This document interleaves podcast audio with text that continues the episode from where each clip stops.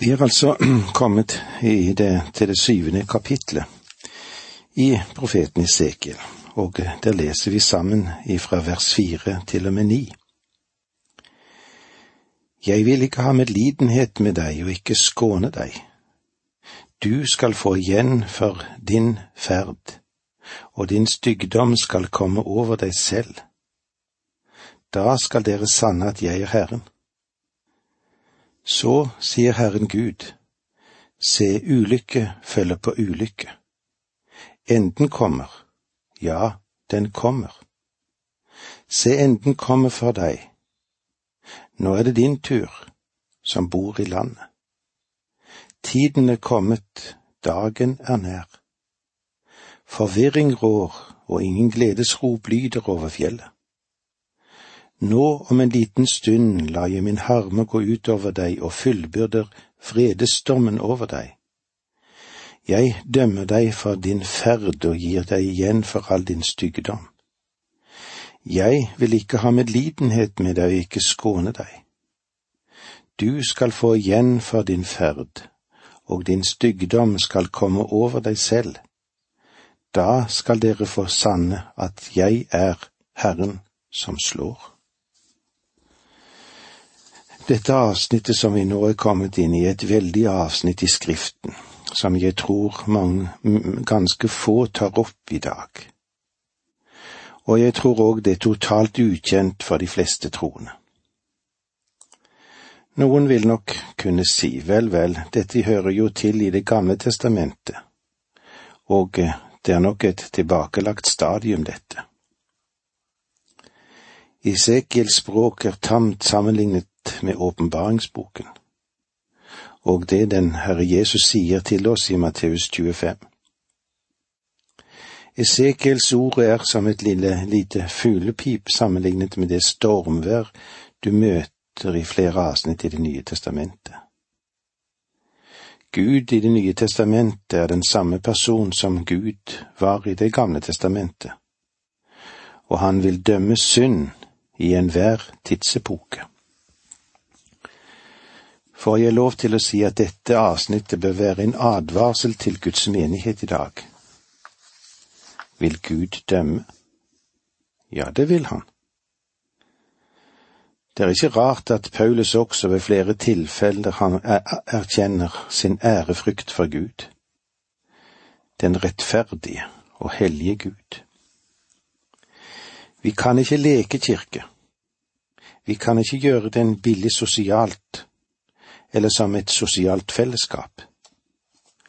Lunkenhet har aldri vært noe som Gud har tolerert, eller som han heller ikke vil tolerere i fremtiden.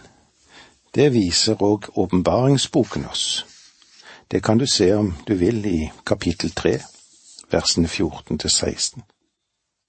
Men la oss nå lese videre i vers 10 til 14 her i Esekiel 7. Se, Dagen er kommet. Nå kommer turen til deg. Riset blomstrer, frekkheten gror. Voldsferd reiser seg og blir til et ris for de gudløse. Det blir ingenting igjen av dem, ingenting av deres støyende flokk og ingenting av deres rikdom. De har ingen herlighet hos dem. Tiden er kommet, dagen er nær. Den som kjøper skal ikke være glad, og den som selger skal ikke sørge. For harmen går ut over hele den støyende flokken i byen. Selgeren får ikke vende tilbake til det han har solgt, selv om han blir i live. For spådommen om hele flokken skal ikke tas tilbake. På grunn av sin synd kan ingen trygge sitt liv. De blåser i horn og gjør alt klart men ingen drar ut i strid, for min harme går ut over hele flokken. Det som karakteriserte dette folket, var at det var en samling demonstranter. De nektet å dra i krig. De nektet å stå for, de, for det som var rett. Dommen kom, og når fienden strømmet inn over dem, ble de tilintetgjort. Det var slik Chesterson en gang kommenterte. Dette er en pasifistisk tid, men det er ingen fredstid. Men så lenge det er ondskap i menneskehjertet, har Gud sagt, det er ingen fred for de onde. Jesaja gjentok den sannheten tre ganger i sine profetier. I vers 19 leser vi her i Sekel 7.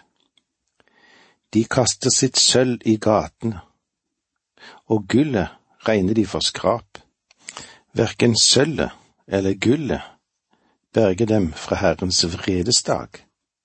Med det kan ikke stille sin sult og ikke fylle sin mage, men det har fått dem til å falle i synd. Altfor ofte har vi ment at den allmektige kronen kunne løse hvert problem i livet. Ja, hva tror du den norske krone kan gjøre for oss i dag? Det er ganske betryggende å ha noen kroner i bakhånd på en konto, men de kan ikke løse livets problemer og gåter. Og det er det Gud sier her til Israels folk som syntes at de kjente seg rike gjennom de ansamlinger av gull som de hadde. Men eh, de fikk snart merke at det var ingen beskyttelse i det. Vi leser versene 20 til 22 i kapittel 7. De ble stolte av sine praktfulle smykker, og de laget seg avskyelige gudebilder av dem. Derfor gjør jeg alt til skrap for dem. Jeg gir det det som rov i fremmedes hender, som bytte til de gudløse på jorden, og de skal vanære det. Jeg vender ansiktet bort fra dem. Da skal min helligdom bli vanhelliget. Røvere skal bryte inn og vanhellige den. Dette er en rystende beskrivelse av Guds dom. Men eh, om du ønsker å lese enda mer rystende, og noe som fremdeles hører fremtiden til, så vil jeg anbefale deg å lese åpenbaringen i kapitlene 18 og 19. De, så det som du leser der, beskriver ødeleggelsen av det kommersielle Babylon. Det avsnittet taler om en tid da mennesker stoler på big business og aksjemarkedet, og er avhengig av suksess på børsen. Det er en tid når japper gjør store forretninger og regjeringer forsikrer folk om at alt i livet vil bli paradisk. Men eh, slik ble det ikke. Og det frelste dem ikke. Da de trengte å bli utfridd, kunne det ikke fri dem ut. I vers 23 og 24 gjør lenkene ferdige. For landet er fylt av drapssaker og byen er full av voldsverk. Jeg lar det verste folkeslag komme og ta deres hus i greie. Jeg gjør ende på deres stolthet, og helligdommen deres skal vanæres. Landet er fylt av drapssaker, og byen er full av voldsverk. Det er ingen dårlig beskrivelse av vår tid heller, dette. Jeg lar de verste folkeslag komme og ta deres hus i eie. Det er nok dem som mener at Gud aldri ville tillate at vårt fredelige Skandinavia skal overrennes av vår store nabo i øst, kanskje. Hvor har de fått den ideen ifra? Gud tillot Babylon, en hedens nasjon, å ødelegge Guds eget folk. Hva skulle så være vårt forsvar? Så lenge et folk ikke vil være i Guds hender, finner de ingen varig beskyttelse for dem. De fleste liker ikke å lese Esekiel sitt budskap. De vil heller lese Johannes 14. Ikke misforstå meg, jeg elsker Johannes 14, det er helt sikkert. Men vi må ikke glemme at også Esekiel 7 står i Bibelen. Det er ikke godt å forstå hvorfor Johannes 14 har større verdi enn å lese Esekiel 7. Vi må i alle fall gi dette kapitlet tid, og la profeten få lov til å presentere sin sak for oss og det er det vi forsøker å gjøre når vi går gjennom denne veldige profetboken. Det var dette vi fikk med oss nå i dag. Takk for nå, må Gud være med deg. Dette undervisningsprogrammet består av to deler. Åge Nevland fortsetter nå med andre del av dagens undervisning.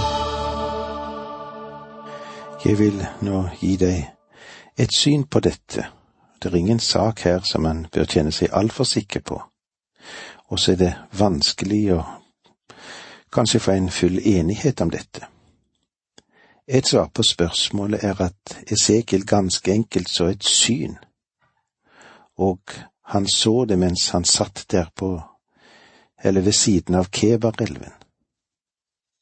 En annen forklaring er at Esekiel bokstavelig talt dro tilbake til Jerusalem og vandret omkring og så alt det han forteller om her.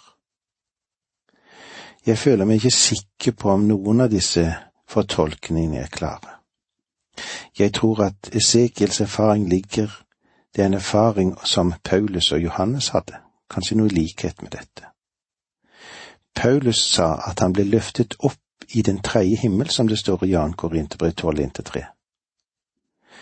Jeg ser det slik at det som skjedde da han ble steinet i Lystra i Galatia og ble etterlatt der, var han død.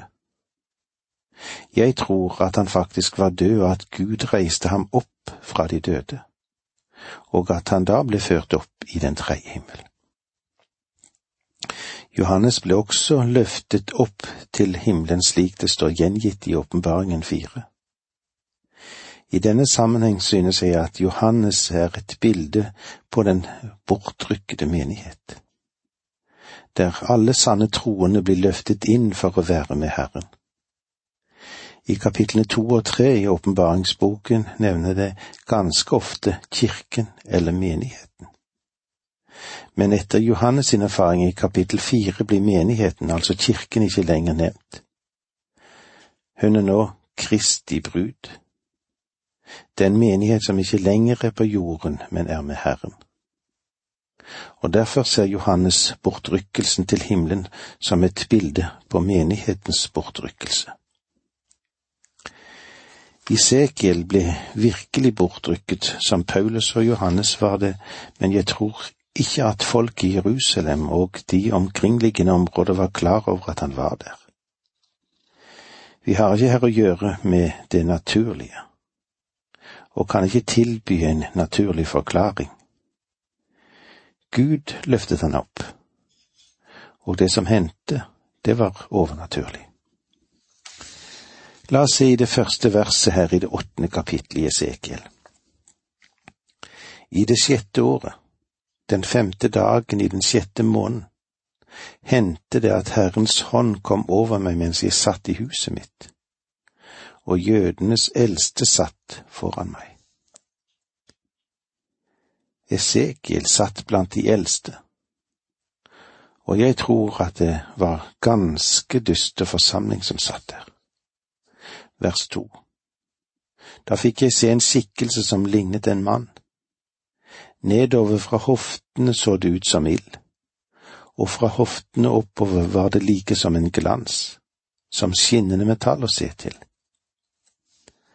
Dette er svært likt en del av Esekiels syn som er gjengitt i kapittel 1. Og det veldige syn av Guds herlighet er grunnlaget for ethvert syn i Esekiels bok. Og jeg tror personlig at dette også er grunnlaget for åpenbaringsboken. Versene tre og fire her i kapittel åtte i Esekiel.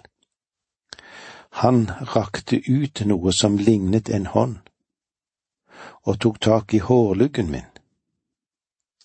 Ånden løftet meg opp mellom jord og himmel, og i syner fra Gud tok den meg med til Jerusalem, til porten i nord som fører inn til, indre til den indre tempelgård. Der sto det et gudebilde som vakte Guds brennende harme. Og se, der var Israels Guds herlighet, slik som jeg hadde sett den i dalen. Han rakte ut noe som lignet en hånd. Gud er en ånd. Vi har her å gjøre med noe mer enn et legeme. Men når Skriften sier til meg at vi er et verk av Guds hånd som bruker den sanselige begrepet for å hjelpe vår forståelse av det evige. Han tok tak i hårluggen min. Du husker kanskje at Esekiel hadde raket seg, både ansiktet og hodet. Men det var et år tidligere, så hadde han latt håret vokse ut igjen, og Gud tok han i hårmanken. Ånden løftet meg opp mellom jord og himmel, og i syne fra Gud tok den meg med til Jerusalem. Esekiel ble faktisk løftet og flyttet ved Guds ånd til Jerusalem. Om hans legeme fulgte med eller ikke er et poeng jeg nødig vil diskutere. Her mer aner vi enn vi vet. At Esekiel ble forflyttet til Jerusalem, er ikke noe nytt i Skriften. Elia, han blir også løftet opp, som det står i annen kongebok to. Og i Det nye testamentet leser vi om Philip. Da de steg opp av vannet, rykket Herrens ånd Philip bort, og hoffmannen så ham ikke lenger. Han fortsatte lykkelig sin reise, står det i Apostelens gjerninger 8.39. Philip ble legemlig forflyttet, og eh, det var nøyaktig det som òg hendte med Elia, og sannsynligvis også med Esekiel. Til Jerusalem til porten i nord som fører inn i den indre tempelgård. Der sto det et gudebilde som vakte Guds brennende harme. Jeg tror at gudebildet som vakte brennende harme, kan henvise til det avgudsbildet som Manasseh lot seg sette opp i tempelet i annen kongebok 21 og annen krønikebok 33, som var et anstøt og en bespottelse. Kanskje det gamle avgudsbildet var blitt skjøvet inn i et hjørne og glemt for en stund, men nå, på Esekiels tid, var det blitt dratt fram igjen, og folket som skulle ha vendt seg til Gud i bot, de begynte igjen å tilbe avgudsbildet. I kapittelen åtte til ti hos Esekiel vil vi bli gjort oppmerksom på at Herrens herlighet gradvis ble trukket bort fra tempelet og fra Israel. Og jeg har på følelsen at herligheten faktisk vekk under Manasses regjeringstid, og at Esekiel får et syn om dette her. Jeg vet at de fleste tolkere er av en annen oppfatning at herligheten den vek unna fra fangenskapstiden når den startet opp og begynte. Men jeg er av den oppfatning at det ikke stemmer helt, dette. Om herligheten ikke vek under den forferdelige tid folket gjennomlevde under Manasses regjering, så kan jeg ikke se at det finnes noen annen periode i Israels historie som skulle være årsak til at herligheten, Guds nærvær, skulle vike. I dette kapitlet har vi ikke fått det hele bildet eller fulle bildet av den herlighet som ble trukket tilbake. Her ser vi herligheten også. fordi folk ikke vendte om til Gud, ble herligheten løftet bort fra tempelet, og vek fra byen mot øst og ventet der. Det er ikke før vi kommer til kapittel ti at vi ser at herligheten endelig ble borte. Jeg tror ikke det finnes noe vitnesbyrd om Herrens herlighet hvilte over tempelet etter Manasses regjering. Dette synet ble gitt Esekiel for å vise at Gud er nådig. Herren ville så nødig forlate folket og var rede til å frelse Israels folk om de bare ville vende seg til ham.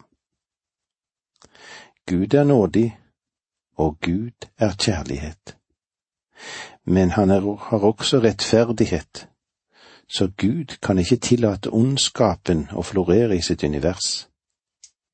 Han kan ikke godta det som strider mot hans egen karakter. I dag kan ikke Gud frelse oss med vår rettferdighet eller vår fullkommenhet, for vi har ingenting å stille frem for ham. Han kan ikke akseptere noe mindre enn rettferdighet, og derfor må han selv stille frem en forløsning for mennesket. Og vi må komme til ham langs den linjen han aksepterer, nemlig ved å tro på den Herre Jesus Kristus. Gjør vi ikke det, så sitter vi tilbake med en gammel natur som er i opprør mot Gud. Og Gud kan ikke tillate det i sitt univers, like så lite som en politi skulle ha en kriminell som ikke hadde gjort opp sin sak boende i sitt hjem. Det var dette vi fikk med oss i dag. Takk for nå, må Gud være med deg.